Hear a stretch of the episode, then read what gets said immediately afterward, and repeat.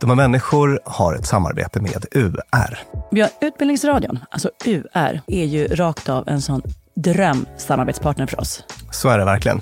Med uppdrag att minska kunskapsklyftorna i samhället. Har du hört något finare? Nej, det är väl typ det finaste man kan ägna sig åt. UR är ett av Sveriges tre public service-bolag och det här uppdraget handlar om att skapa radio och tv-program som fokuserar på utbildning och folkbildning. UR finns till för alla som vill ha mer kunskap. Och vi ska berätta specifikt om ett program som heter Vem ska jag tro på? Och det handlar om hur desinformationskampanjer, mediedrev, konspirationsteorier, smygreklam, yttrandefrihet och techbolagens makt egentligen fungerar. Det är ett program som är lett av Kodjo Akolor som är kanske bäst på just det här. Han har i alla fall träffat jättemånga forskare och experter och journalister, kändisar och okändisar för att lära sig mer om allt som har med källkritik och källtillit att göra. Mm. Alltså kort sagt, vem ska jag tro på? Vem ska vi tro på? Det är sex avsnitt som finns på UR Play och sänds i SVT1 onsdagar 21.30. Och för att se de här, vilket jag verkligen tycker att du ska göra, så kan de ses på urplay.se eller via UR Play-appen ja. som jag också rekommenderar er att ladda ner som finns där appar finns. Tusen tack UR!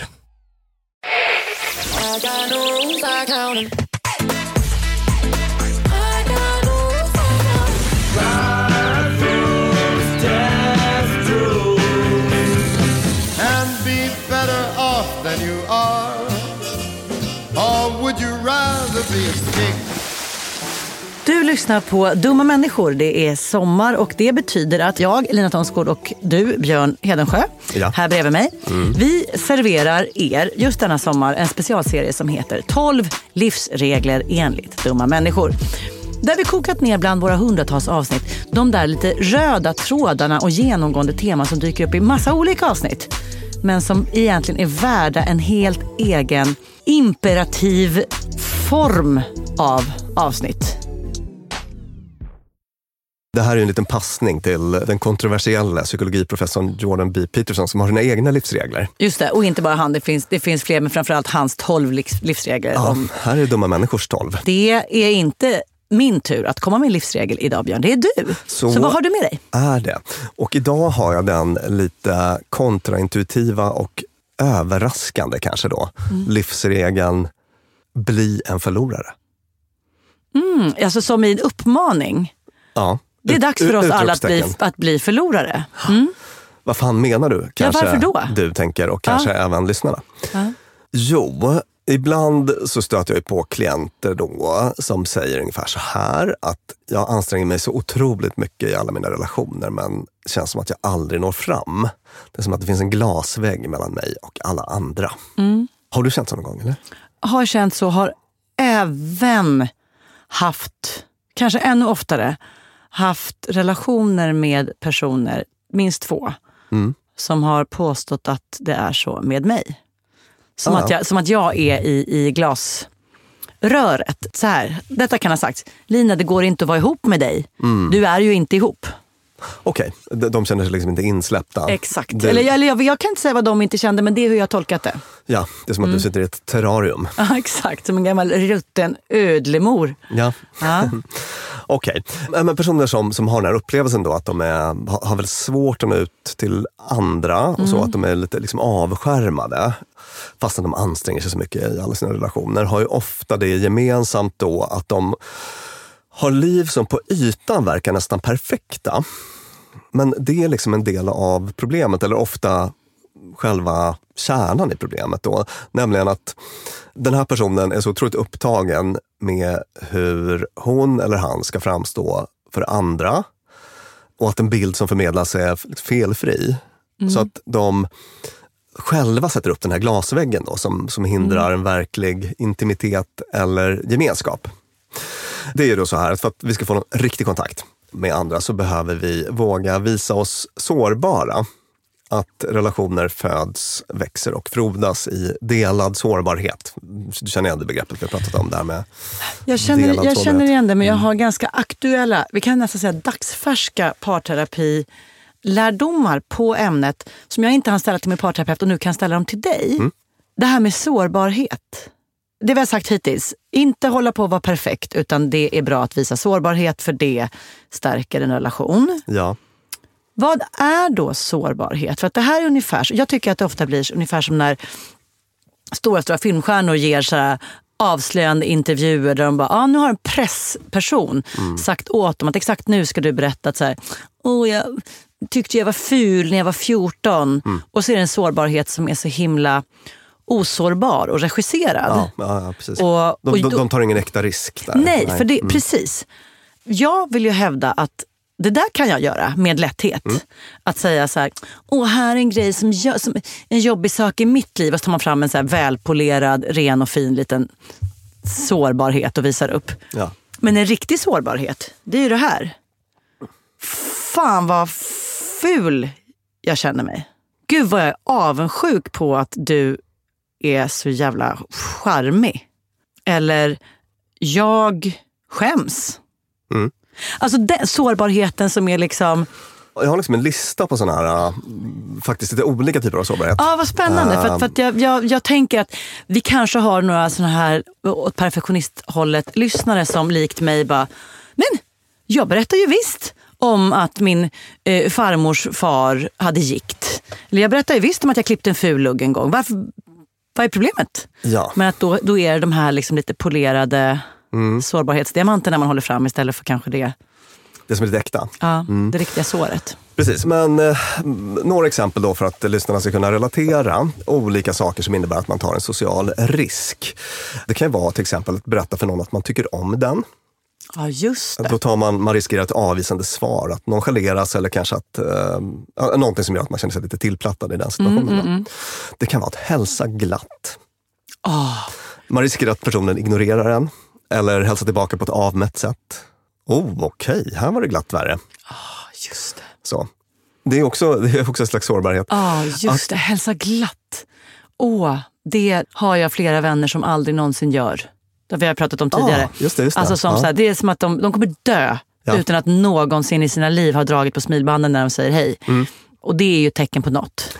Det är ett jättebra exempel på precis det här. Alltså att man liksom inte vågar ta den eh, lilla liksom, sociala risken och då sätter upp en slags liksom, glasvägg mellan det, sig själv tänk och om jag är gladare än dig. Det kan vara ett fråga efter vägen, man riskerar ett otrevligt eller avsnoppande svar. Du, jag har inte, jag har inte riktigt tid med dig nu. Mm, just det.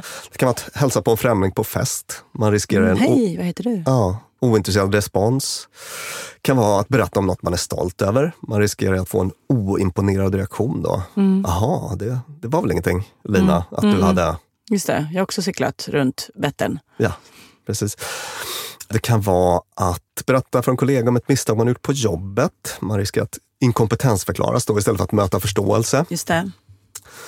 kan vara att berätta att man drömmer om något. Jag vill bli läkare.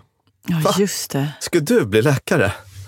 Det har jag väldigt svårt att se framför mig. Just det. Det kan vara det. Det kan vara att berätta att man känner sig ensam. Man kan känna sig ensam.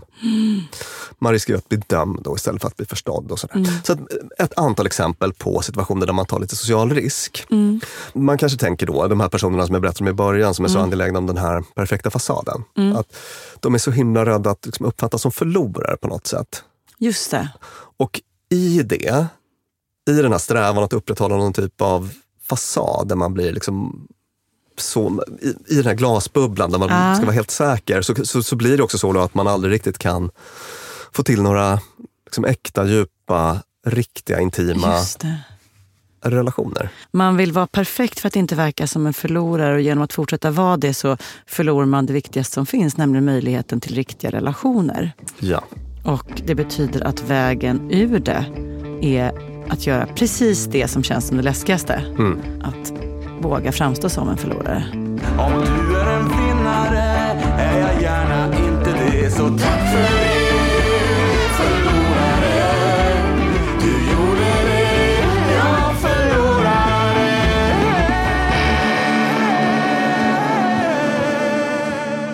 Får jag ge dig en liten, en liten fin eh, historia? Ja. Det är en liten metafor.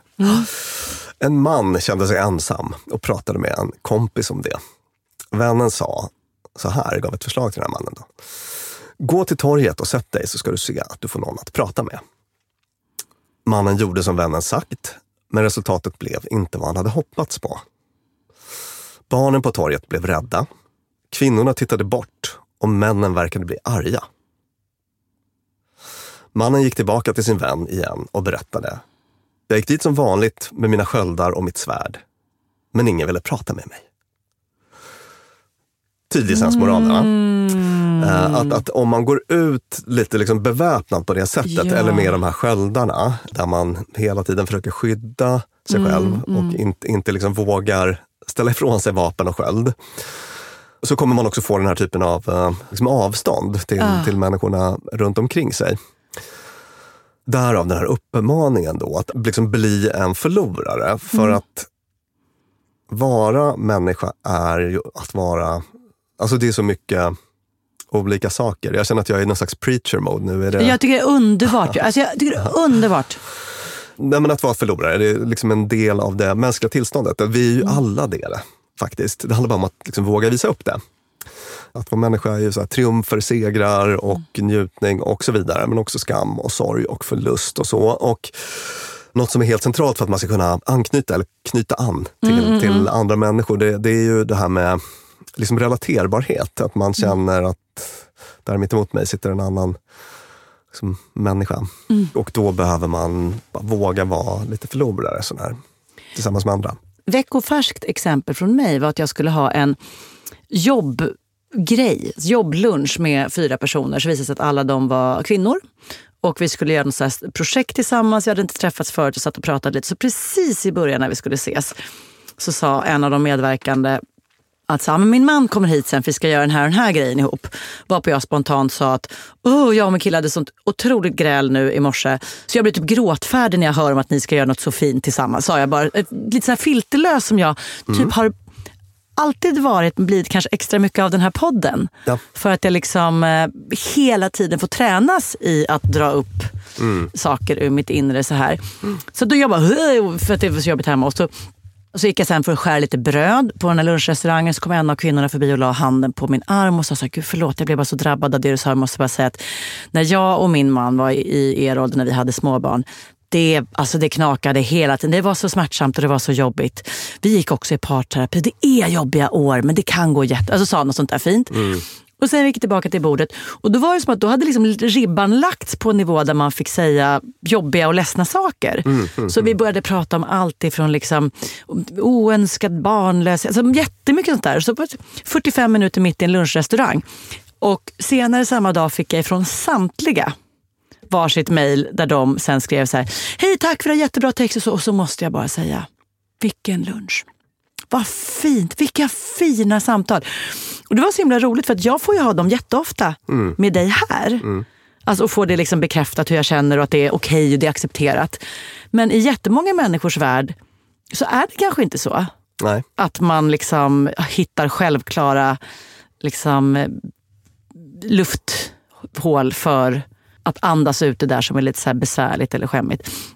Så det skulle jag nästan vilja addera till den här livsregeln. Att i att bli en förlorare så är det en, det liksom kan vara en gåva till... Det är inte bara att du gör något bra för dig själv. Utan du kan liksom öppna upp.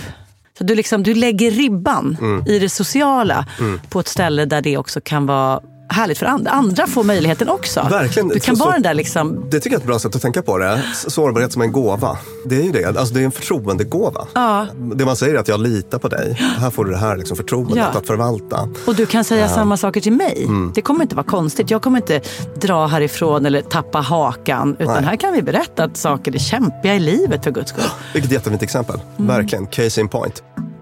wish to talk to you from the heart because today I stand before you naked, vulnerable.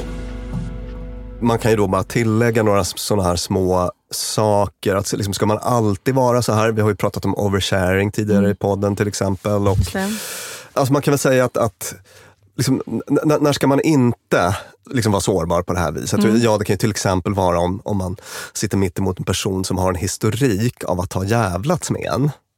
Och satt dit Ja, ja, ja, en att det är någon och, som man- någon som är mm, mm. opålitlig, som man vet är på det sättet. Ja, men då, då kan det vara klokt att hålla uppe garden och så. Just det. Och vad gäller oversharing så kan man ju tänka på att ibland är det en, en lite, lite svårt att veta var gränsen går mellan att liksom dela sårbarhet och att overshara. Vi gjorde ett helt avsnitt om det. Mm. Där du landade i det här fina som har varit en bra regel för mig, eftersom jag ju alltid dansar på gränsen där. Men att säga, om den jag delar med, om jag tror att jag lämnar den med någon form av börda. Ja.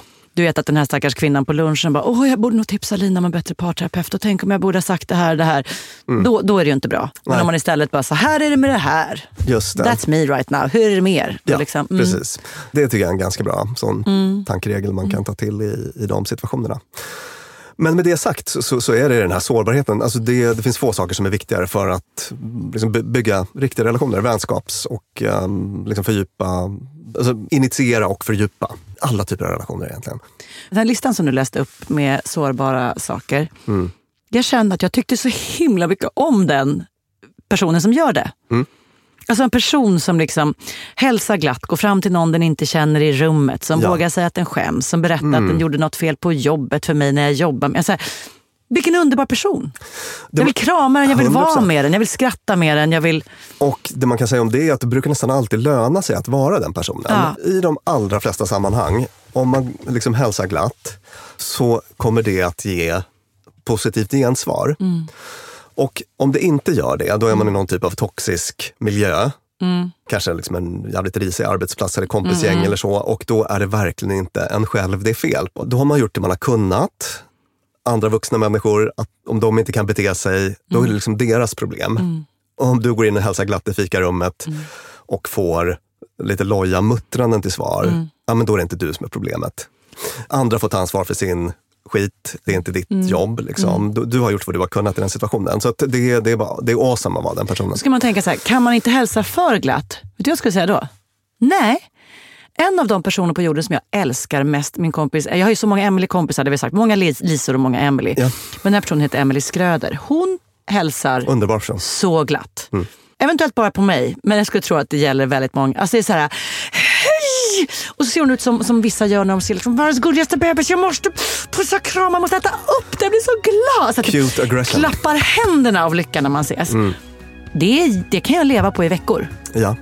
Jag kan leva på i veckor hur mycket glädje hon uttrycker varje gång man träffas.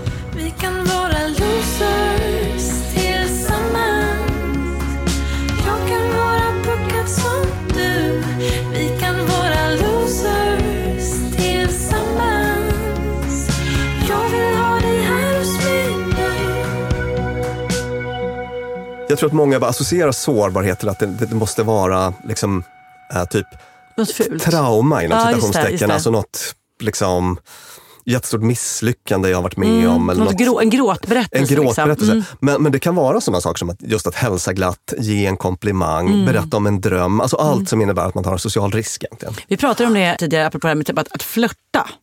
Ja, Också en sån grej. visst. Alltså bara, tänk om du flörtar med någon som inte flörtar tillbaka. Det är att visa sig sårbar. Så I 100%. won't do it. Ja.